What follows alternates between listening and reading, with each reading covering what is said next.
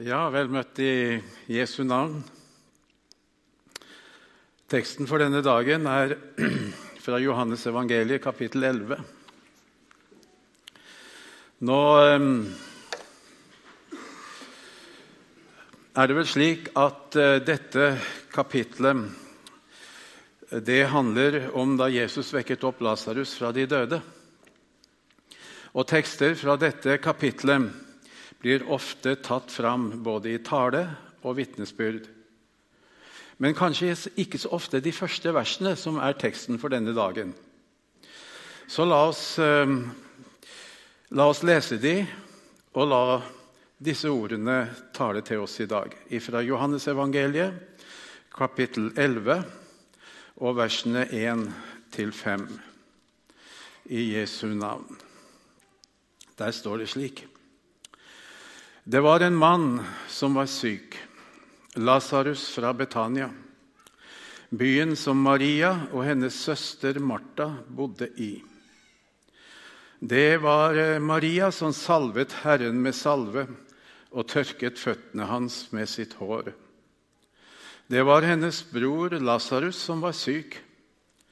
Søstrene sendte nå bud til ham og sa, 'Herre, Se, han som du elsker, er syk.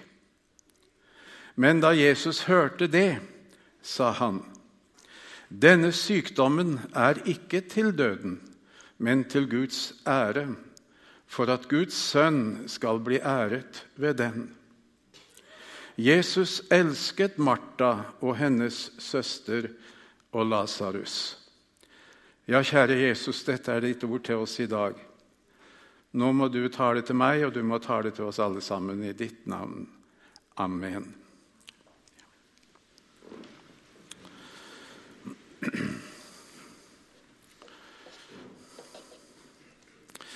Vi eh, vet at det var et eh, spesielt nært forhold mellom eh, Jesus og disse tre i heimen i Betania. Byen lå bare en eh, tre kilometer fra Jerusalem, på østsiden av Oljeberget.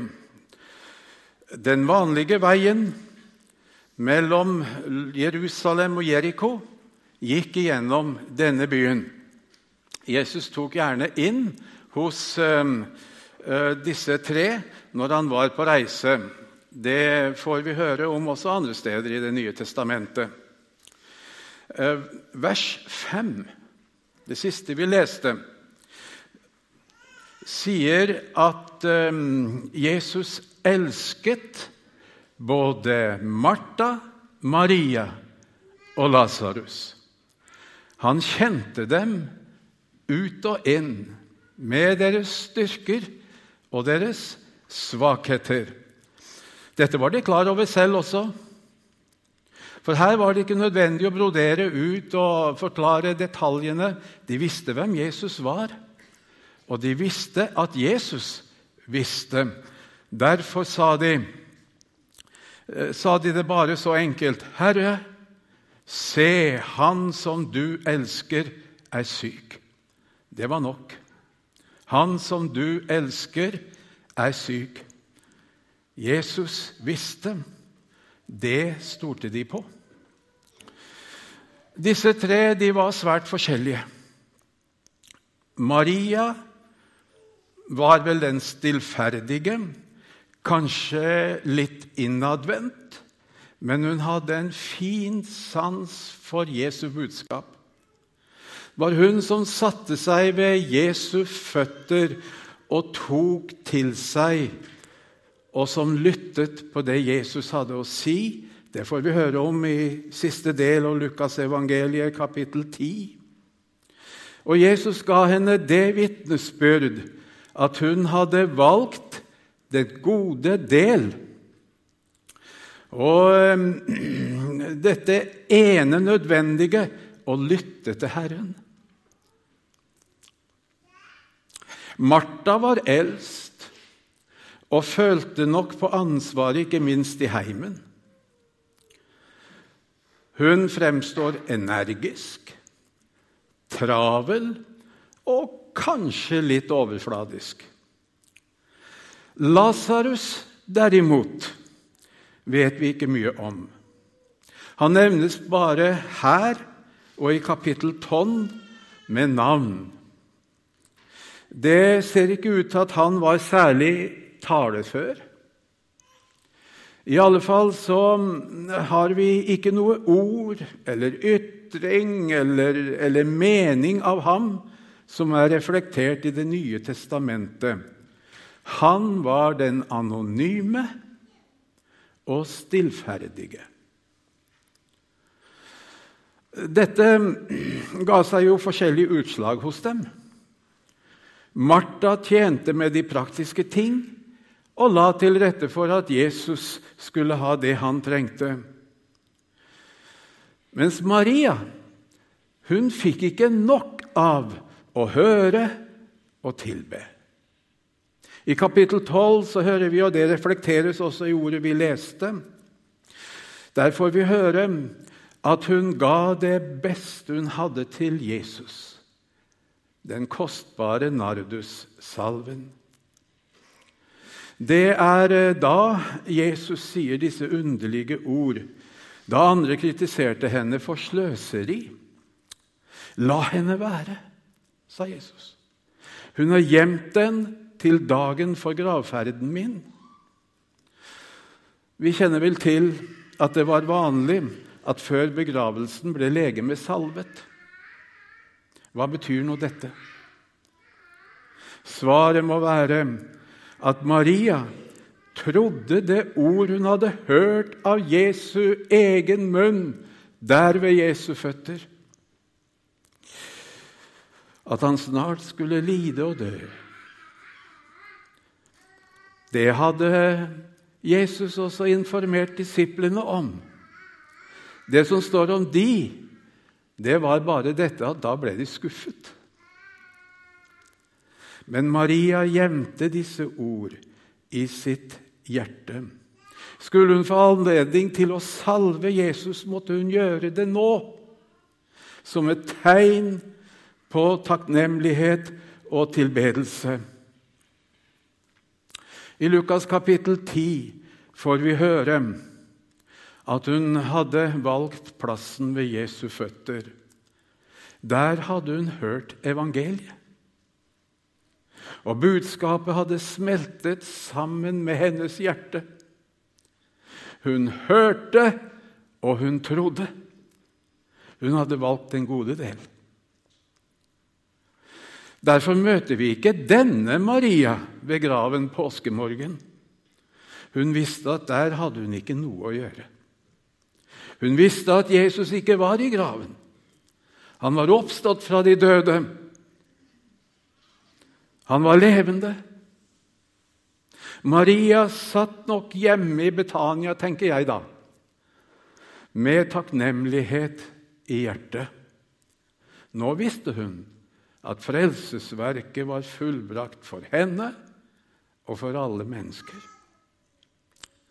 Ja, her kunne man jo riktig grave seg inn. Men det skal vi ikke gjøre i dag, for teksten har mer å si. Den åpner med å gå rett på sak. Livet var blitt vanskelig i denne heimen i Betania. Lasarus var syk. Alvorlig måtte det være også, ettersom de sendte bud på, på, på Jesus som eh, holdt til minst en dagsreise unna. Og Da kan jo spørsmålet dukke opp hvorfor helbredet ikke Jesus Lasarus med en gang? Han trengte jo ikke engang om å komme til stedet, komme til Betania. Det eh, Vi husker beretningen om embetsmannen og hans sønn i Kapernaum. Et ord fra Jesus var nok da faren hans, faren til denne gutten, oppsøkte ham. Jesus sa, 'Gå hjem, din sønn lever'. leser vi om i Johannesevangeliet kapittel 4. Ja, hvorfor måtte Jesus tillate at Lasarus ble syk? Og hvorfor drøyde han med å komme? Svaret det finner vi i, i vers 4. Der sier Jesus denne sykdommen er ikke til døden, men til Guds ære. For at Guds sønn skal bli æret ved den. Uttrykket 'denne sykdommen' indikerer at her er det noe helt spesielt Jesus vil si oss, som ikke uten videre gjelder for andre sykdommer. Jesus trakk ikke i tvil at eh, dette var en eh, dødelig sykdom. Han sa, Lazarus, han sa jo at Lasarus var død, leser vi i vers 14. Det sa han til disiplene sine, som ikke skjønte hva han mente med at Lasarus hadde sovnet inn. Var det ikke verre med Lasarus? Kunne det da ikke være nødvendig å gå dit for å vekke ham opp? Nei, her var det noe mer Jesus ville si. Sykdommen var ikke til døden. Med andre ord Lasarus ville ikke nå bli et offer for den endelige, ugjenkallelige død. Denne sykdommen skulle bli til Guds ære ved at Sønnen skulle bli æret ved den. En ting er at dette oppvekkelsesunderet var en mektig manifestasjon til Guds ære. Han, den allmektige, hadde grepet inn og gitt livet tilbake. Og hva var resultatet? Jo, det leser vi om i vers 45. Mange av jødene som var kommet til Maria og hadde sett det han gjorde, trodde på ham. De trodde på ham.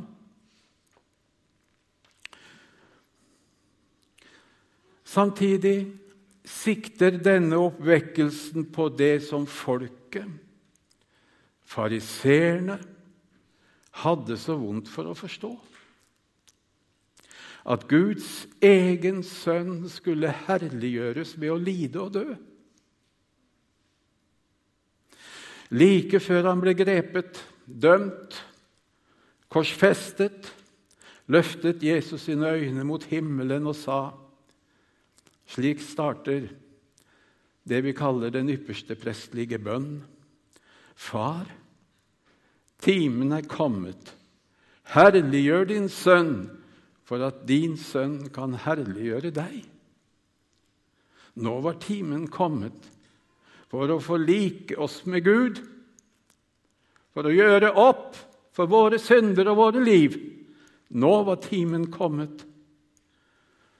Bibelen sier at det skjedde da han utslettet skyldbrevet mot oss, det som var skrevet med bud, det som gikk oss imot.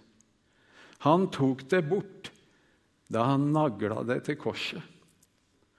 Det leser vi om i Kolossebrevet kapittel 2 og vers 14. Og her i kapittelet vårt i dag så leser vi om ypperstepresten Kaifas. Han skulle bare ha visst hvor rett han hadde i det han sa til dem som kom til yppersteprestene og sa ifra om hva Jesus hadde gjort. Hva var det Kaifas sa da? Da sa han, 'Det er til gagn for dere at ett et menneske dør for folket, og ikke hele folket går til grunne.' Kaifas tenkte nok på trusselen fra romerne. De ville slå til hvis de merket noen uro i folket pga. messianske bevegelser, som det var nok av på den tiden.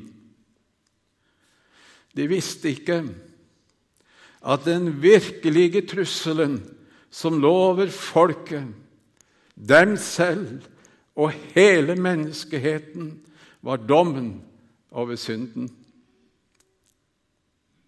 Den skulle Guds sønn nå gå inn i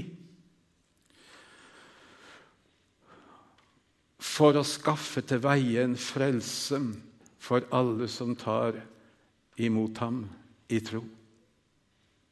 Det står i vers 53 fra den dagen la fariseerne planer om å drepe ham. Det var da Lasarus ble vekket opp fra de døde.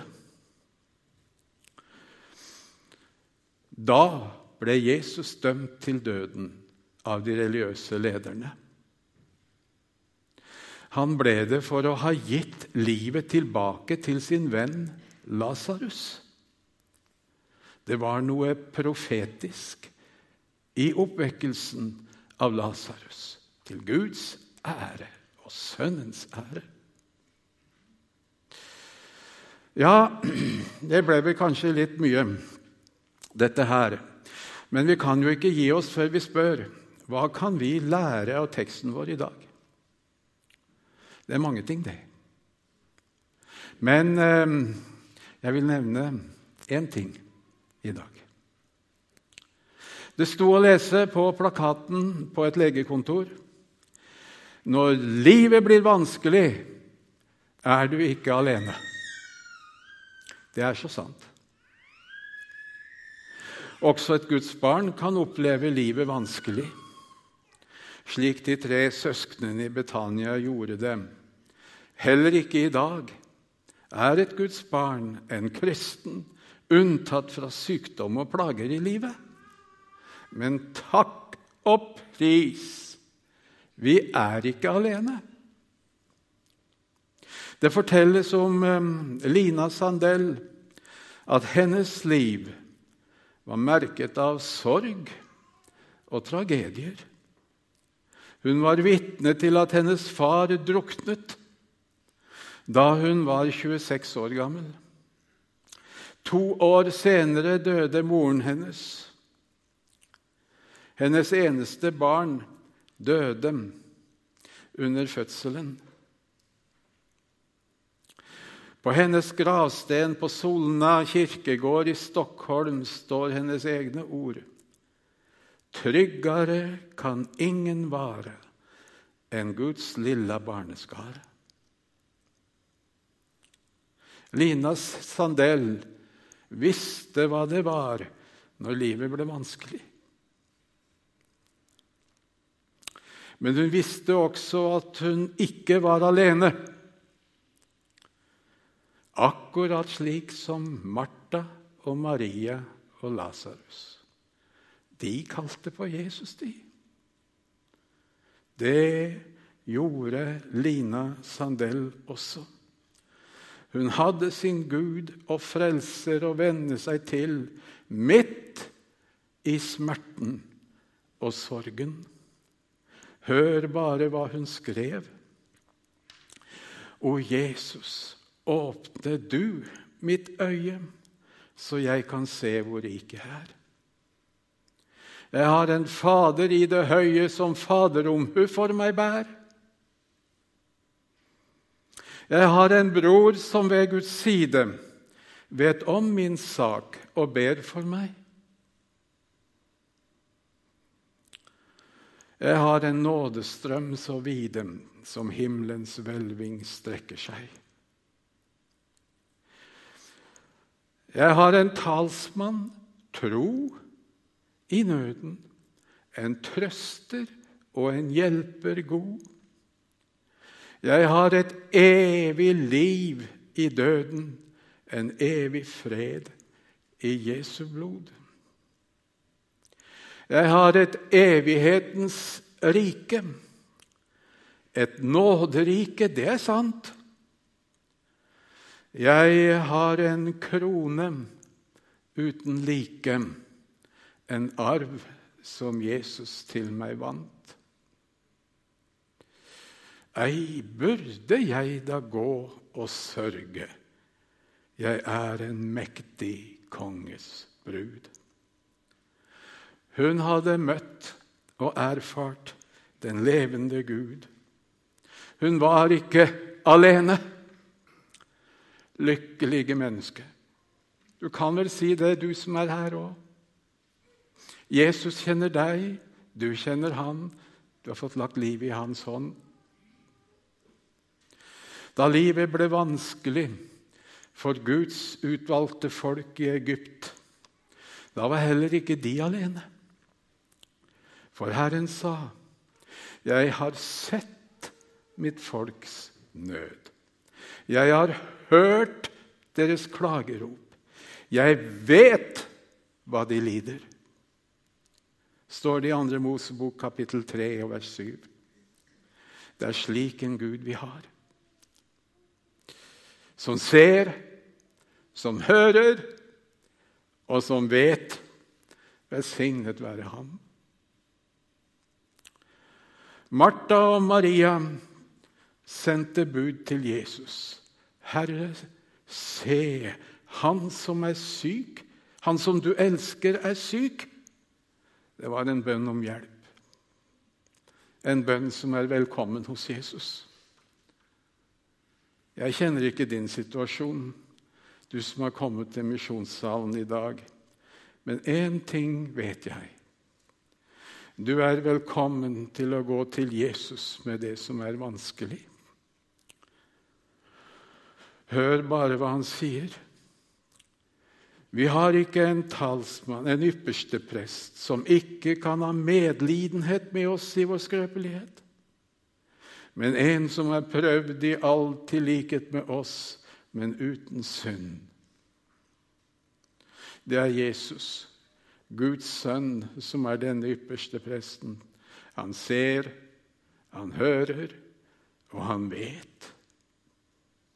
La oss derfor med frimodighet tre fram for nådens trone, for at vi kan få miskunn og finne hjelp, nåde til hjelp, i rette tid. Slik står det i Hebreerbrevet, kapittel 4.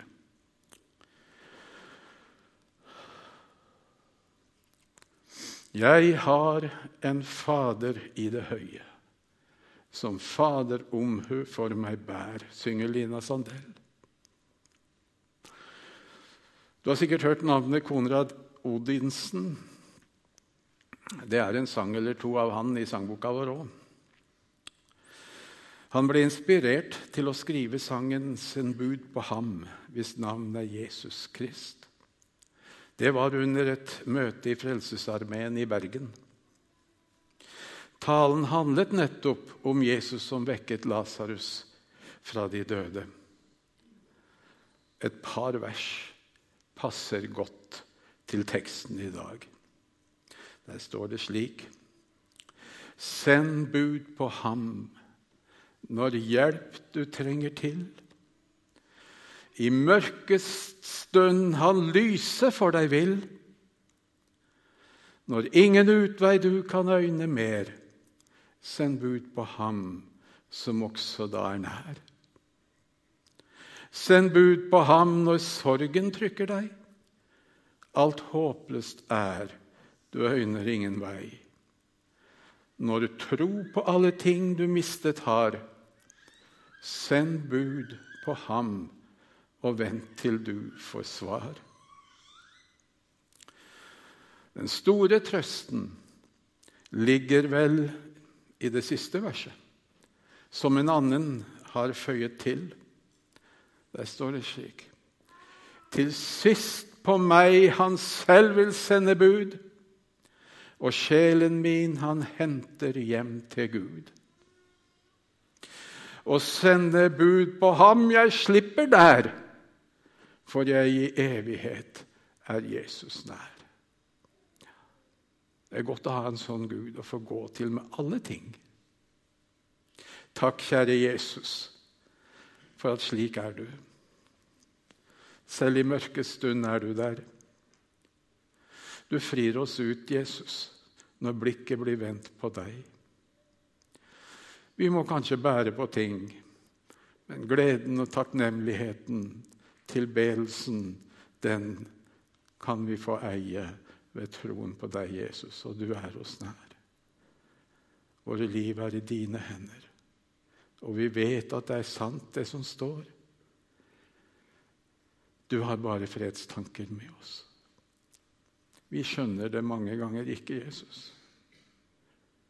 Men du er en levende realitet, oppstått som du er ifra graven, og sitter ved Faderens høyre hånd i dag.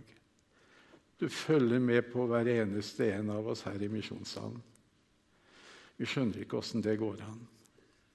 At du kan single ut noen enkelte mennesker i dette menneskehav som er i denne verden. Men slik er det. Guds ord er ikke bare til massene. Det er til den enkelte. Det er trøstens ord, står det i Bibelen. Vi vil ta til oss det, Jesus, og leve hos deg. Må du velsigne alle som går her, Jesus, i ditt navn. Amen.